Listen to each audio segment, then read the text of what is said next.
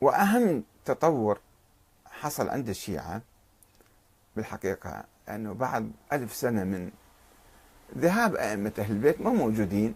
الشيعة انتظروا ألف سنة حتى يخرج الإمام الثاني عشر ولم يخرج فأخذوا بنظرية الشورى السنية وهذا يعني اقتراب كبير.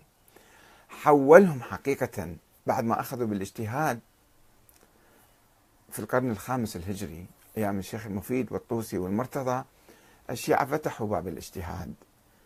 فتحوا باب الاجتهاد يعني أصبح فقههم نابعا من علمائهم ومجتهديهم. وإذا تريد نحسب الآن الفقه الجعفري كمسألة عن جعفر الصادق يختلف بها عن المذاهب السنية. مثلا بضعة عشر مسألة مو أكثر ترى. الآن الشيعة عندهم فتاوى كل عالم عنده آلاف الفتاوى وكلها فتاوى جديدة. فإذا حطينا البضعة عشر مسألة مع هذه الفتاوى تصبح واحد من مية أو واحد من ألف حتى. فإذا الفقه الشيعي اليوم موجود اللي الأزهر يقول يجوز التعبد فيه هو مو فقه فقط جعفر الصادق هو فقه العلماء. كل مجتهد عنده فتوى. ولا يمكن أن نقول هكذا بإطلاق لأن بعض الفتاوى أيضا خاطئة من بعض العلماء. إنما يجب أن ندقق ونحقق في أي مسألة يجوز التعبد وفي أي مسألة لا يجوز التعبد. إذا عالم قال لك صلاة الجمعة مو واجبة أو مكروهة أو مستحبة أو مو على التعيين أو كذا أو حرام.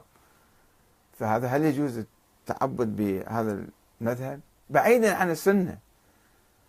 مسألة داخلية عند الشيعة.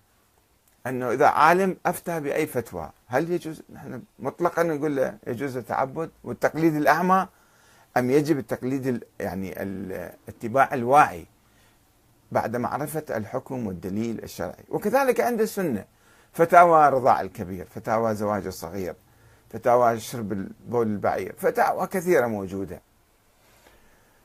هل يجوز؟ الشيعة يقولون والله كل الفتاوى السنية صحيحة يجوز التعبد فيها؟ لا ما يصير بهكذا نقول.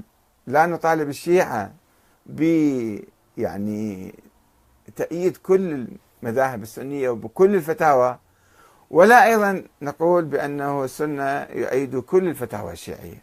إنما هاي مسألة ذاتية في كل مسألة مسألة يجب أن ننظر ونعرف الدليل ونتبع الدليل. القرآن أولا سنة ثانيا العقل ثالثا. الفتاوى اللي تنسجم مع القرآن والسنة والعقل والعلم نأخذ فيها.